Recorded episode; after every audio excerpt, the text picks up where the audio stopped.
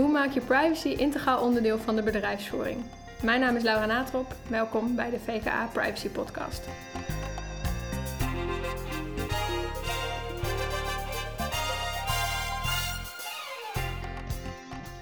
Deze uitzending staat in het teken van privacy management, oftewel de borging van privacy als integraal onderdeel van de bedrijfsvoering.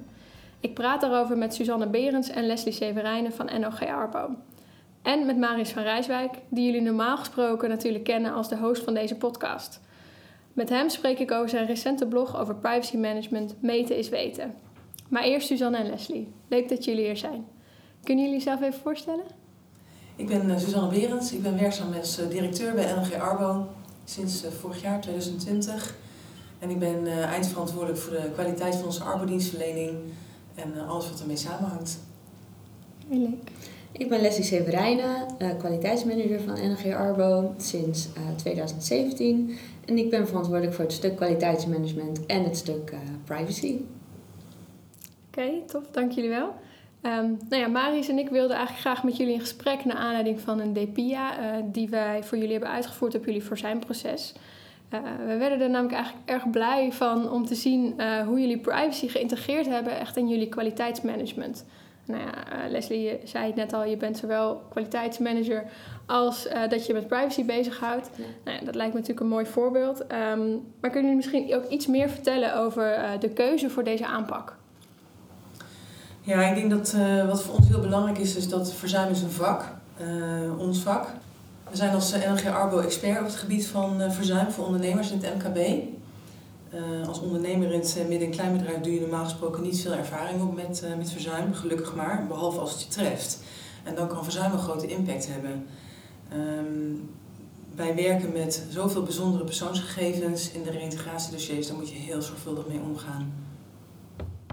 Ja, dus veel gevoelige gegevens. En wat zijn dan je ervaringen met de, echt de integratie van privacy in dat kwaliteitsmanagement?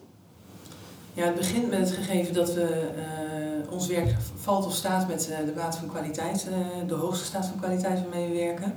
Het is heel delicaat, we werken met vertrouwelijke informatie. Je wilt het risico op datalekken zoveel mogelijk inperken. Um, en onze maatstaf voor kwaliteit is daarom intrinsiek heel hoog, omdat we dat zelf heel belangrijk vinden. En daarnaast is het ook goed om je als arbodienstverlener door een externe partij ook langs de meetlat te laten leggen. Waarmee je eigenlijk voor jezelf in kaart krijgt, ja, wat doen we al heel goed, maar ook wat kan nog beter. Ja, dus jullie zijn gecertificeerd. Uh, kan je daar iets meer over vertellen? Ja, we hebben de ISO-certificering 9001. En um, het kwaliteitsmanagementsysteem wat wij ingevoerd hebben een aantal jaren geleden, is eigenlijk bedoeld om uh, te laten zien dat, uh, ja, dat we, we zeggen wat we doen, maar dat je ook kan zien in onze manier van werken dat we doen wat we zeggen. Ja, heel mooi. En um, tijdens de DPIA kwam naar voren dat jullie ook veel interne audits doen om in controle te blijven. Ja. Uh, kunnen jullie daar misschien iets meer over vertellen? Ja, we organiseren uh, interne audits, meer dan, uh, meerdere malen per jaar eigenlijk. En in die interne audits zoomen we eigenlijk op twee dingen in. Um, en het, het grootste onderdeel is uh, het stukje privacy. Dus daar gaan we echt kijken van hoe, ja, hoe is het stukje privacy ingebed in de dagelijkse werkzaamheden en, en waar blijkt dat uit. Dus um, ja, dan kijken we mee in systemen um, en ja, dat soort dingen. En het andere stuk is echt het kwaliteitsmanagement systeem. Dus um, doe je je, je klantbeoordelingen uh, en waar leg je dat vast? Uh, daar, dat bekijken we in die interne audits. En het is ook meteen een moment waar je mensen weer bewuster van kan maken van het stukje privacy en, en hoe je dat uh, ja, het beste kan aanpakken. En die interne audits die doen jullie zelf? Die doen, die doen wij zelf, ja. ja. Ja, die doe ik als kwaliteitsmanager samen met, uh, met Suzanne. Ja. Oké. Okay. En is dat niet uh, lastig? Hebben jullie daar een training in gehad? Of, uh... Ja, we hebben, daar, we hebben daar afgelopen week een training in gehad. En ja, dat was zeer waardevol ook om, om kennis en ervaring uit te wisselen met, met anderen. En ook ja, om het betere proces vorm te geven eigenlijk. Ja, ja. Oké, tof. En hoe zie jij jouw rol dan als kwaliteitsmanager en als privacy officer dat samenbrengen? Nou ja, dat, dat samenbrengen, dat, dat uh, proberen we uh, ook door middel van bijvoorbeeld workshops die we organiseren, uh, waarin we kleine stukjes iedere keer eigenlijk 360 graden belichten. En mensen op die manier ook bewust ervan maken dat privacy een heel belangrijk onderdeel is van ons werk. En um, ja, mensen zijn zich er al wel bewust van, maar soms is dat extra momentje toch nog even nodig. En dan dan zijn dat soort uh, momenten echt perfect om dat uh, onder de aandacht te brengen. Oké, maar als ik het zo hoor, je hebt dan zowel um, nou ja, de kwaliteitsmanagement eisen vanuit de certificeringen, uh, maar je hebt natuurlijk ook een heleboel privacy vereisten die je daar dan ook weer in gaat verwerken. Is dat dan niet enorm veel papierwerk of een administratieve last? Um, ja, het is best wel een administratieve last, maar we proberen juist ook door dingen op te delen en door dingen te verdelen onder, ja, door het jaar heen eigenlijk, om die administratieve last een beetje beheersbaar te krijgen.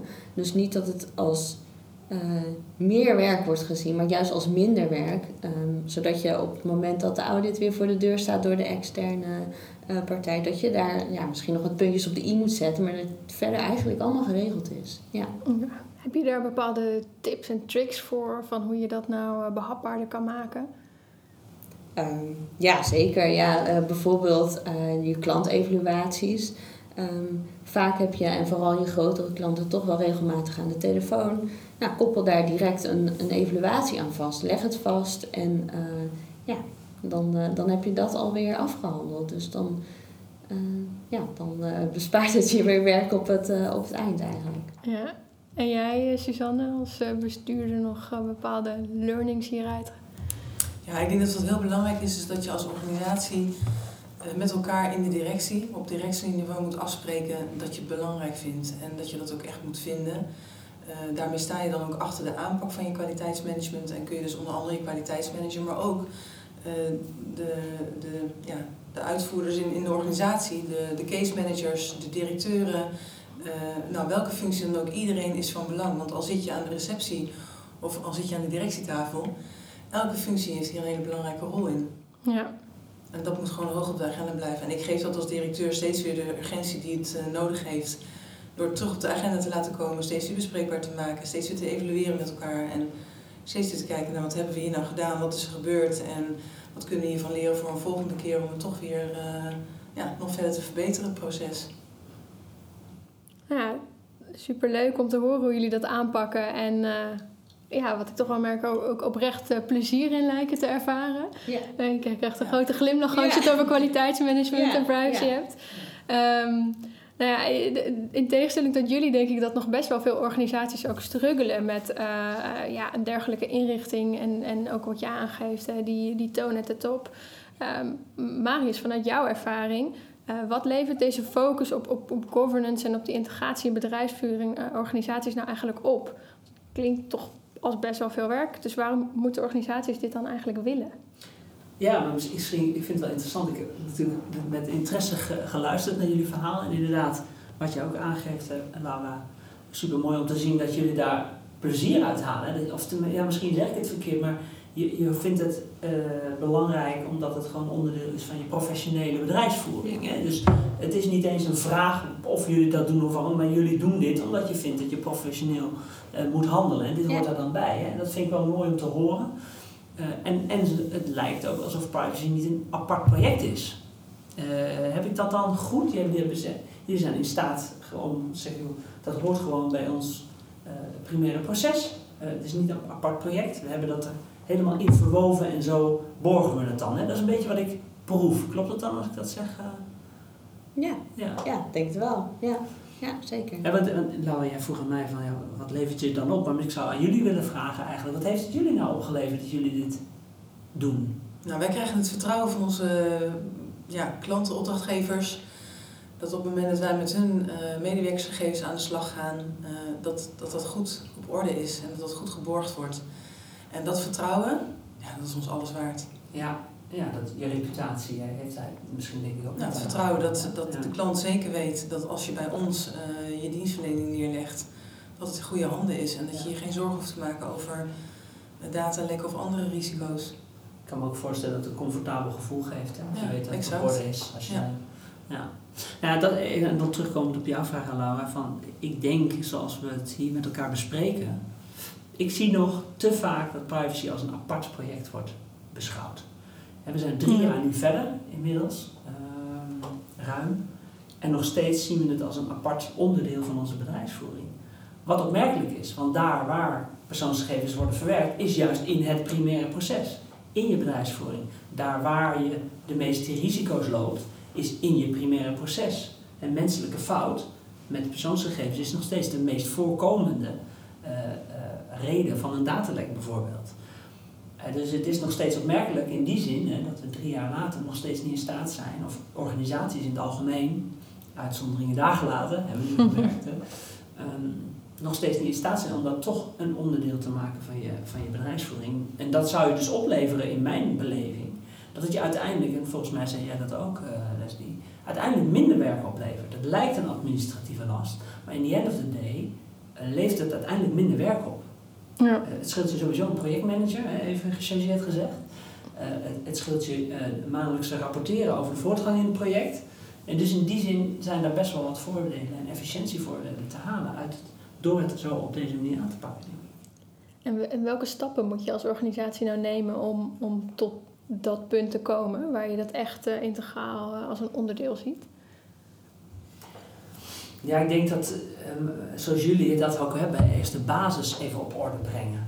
Eh, gewoon de basisdingen van wat, en weten dus van eh, welk kader heb ik mee te maken, welke wetgeving. En voor jullie is dat niet alleen de AVG, maar ook aanpalende wetgeving binnen het werkterrein waar jullie zitten.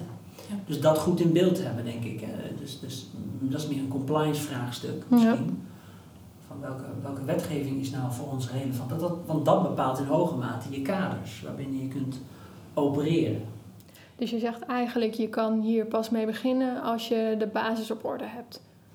Ja, dat denk ik. Ja. Omdat je dan inzicht hebt, begint bij inzicht, denk ik. En dat hebben jullie ook eh, verworven. En nu weet je van waar je, eh, eh, waar je naartoe moet.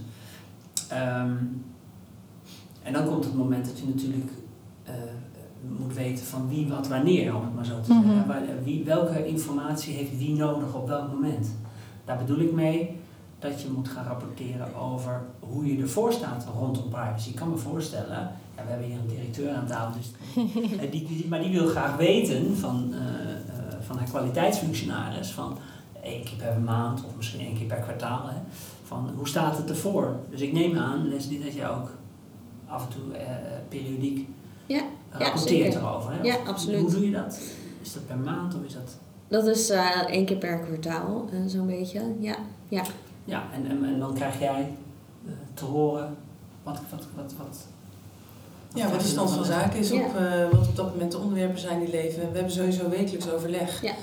eh, als het gaat over het kwaliteitsmanagement Ja. systeem. En dan gaat het over eh, wat moeten we nog updaten, waar moeten we weer bijwerken. Nou, omdat we natuurlijk die workshops eh, één keer per anderhalve maand ongeveer geven van een half uurtje. En dat vereist ook de nodige voorbereiding. Ja. Er moet elke keer weer een goed verhaal staan. Ehm, ja, zo halen we eigenlijk elke keer de cyclus weer, eh, laten we weer onze handen gaan. En eh, bespreken we alles wat er moet gebeuren op dat vlak. Ja. En hebben jullie dan nog andere stakeholders waar je ook nog, eh, die ook deze informatie willen, bijvoorbeeld van hoe jullie ervoor staan of niet? Ja, kijk, als franchiseformule hebben we eh 13 kantoren. Zeven daarvan zijn gecertificeerd en leveren dus onze arbeidsdienstverlening aan de partnerkantoren. En eh, hen houden we natuurlijk ook voortdurend op de hoogte van de stand van zaken, want ja, daar kunnen ze trots op zijn. En daarmee ook eh hou ik het bewustzijn weer hoog als het gaat om hoe belangrijk het is. Ja, dat, is, dat is eigenlijk stap 2, Laura. Van, van, weet wie je stakeholders zijn, wie je waar over en wanneer je moet informeren over de mate waarin je volwassen bent op het gebied van privacy. Eh, en wat het kan dus voor jullie, hè, begrijp ik ook, een reputatieding zijn. Hè, unique selling point misschien wel. Ja. Van joh, kijk eens, wij hebben in ieder geval privacy op orde. Nou, als derde stap zou je dan kunnen zeggen, eh, bepaal je metrics. Bepaal wat je wil rapporteren. eh, waarover je wil rapporteren. Ehm, Misschien wil je stakeholder wel weten hoeveel informatieverzoeken je krijgt per jaar van, van betrokkenen. Of misschien willen ze weten hoeveel datalekken er zijn en wat de oorzaak van die datalekken zijn. Misschien willen ze weten eh, of je register eh, gevuld en, en op orde is en gecontroleerd is. Hè? Dat bijvoorbeeld Ja. wettelijke grondslagen juridisch zijn getoetst. Ik Noem maar een voorbeeld. Ja. Nou, zo, zijn er een, hè, zo is er een aantal uh, metrics die je kunt uh, opsommen en waarover je gaat rapporteren. Nou, ik denk dat dat een hele cruciale is. Maak ook vooral niet te veel. Hè. Ik, ik geloof dat je met 12 best wel de AVG kunt monitoren. Ja. want te veel, dat is een overload aan informatie, daar zit ook niemand op te wachten. Maar bepaal er een aantal, er mogen er ook 15 zijn of er mogen er 10 zijn. En die metrics, die, dat is eigenlijk je haakje naar dat primaire proces en naar die borging in, van privacy in de bedrijfsvoering.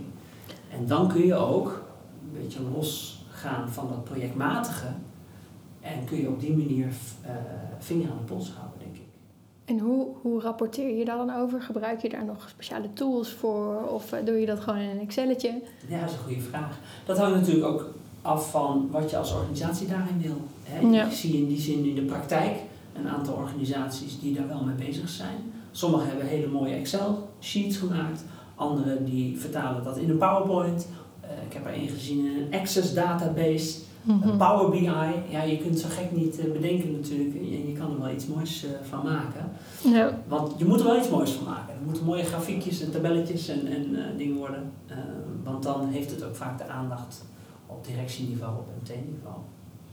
Nou, en dan de laatste stap zou je kunnen zeggen, is dus inderdaad dat feitelijk uh, die, die rapportage maken, maar vergis je niet, er moet ook een soort van rapportagestructuur komen. Zeker bij grotere organisaties. Waar, Ja. hè, wel, met welke frequentie heb ik informatie van ook anderen. Als ik, stel ik, uh, ik, ik maak zo'n rapportage, dan moet ik van de CISO horen hoeveel datalekken er zijn geweest. Van de FG moet ik horen hoeveel informatieverzoeken er zijn geweest en hoe lang het heeft geduurd voordat die opgelost zijn.